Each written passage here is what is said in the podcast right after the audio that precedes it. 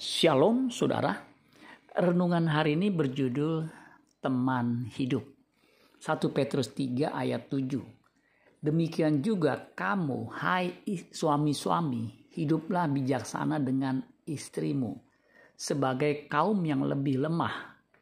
Hormatilah mereka sebagai teman pewaris dari kasih karunia, yaitu kehidupan, supaya doamu jangan terhalang pasangan suami istri harus kompatibel satu sama lain.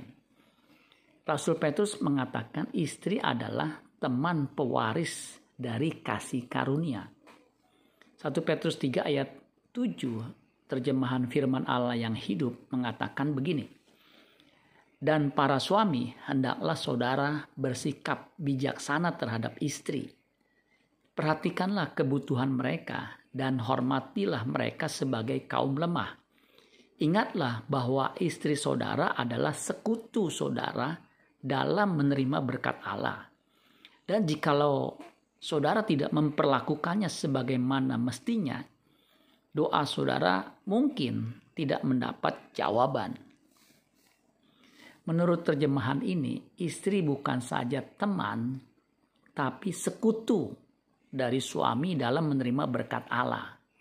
Suami sejati akan memperlakukan istrinya sebagaimana mestinya, memperlakukan dengan hormat dan melibatkannya dalam setiap aktivitas, baik pekerjaan, pelayanan, bahkan dalam aktivitas lain seperti olahraga, jalan pagi, ngejim, dan lain sebagainya. Istri yang bijak sebisa mungkin menemani suami dalam aktivitasnya. Singkat kata, sebisa mungkin lakukan segala sesuatu bersama-sama. Karena suami istri adalah teman hidup yang akan terus bersama selama mereka hidup. Ada sebuah kisah nyata di mana suami melayani sendiri tanpa ditemani istri tanpa disadari si suami justru selingkuh dengan teman satu pelayanannya. Ini sesuatu yang tragis bukan? Konsekuensi logis sebuah perkawinan adalah suami istri adalah teman seumur hidup. Tidak ada teman seakrab pasangan Anda.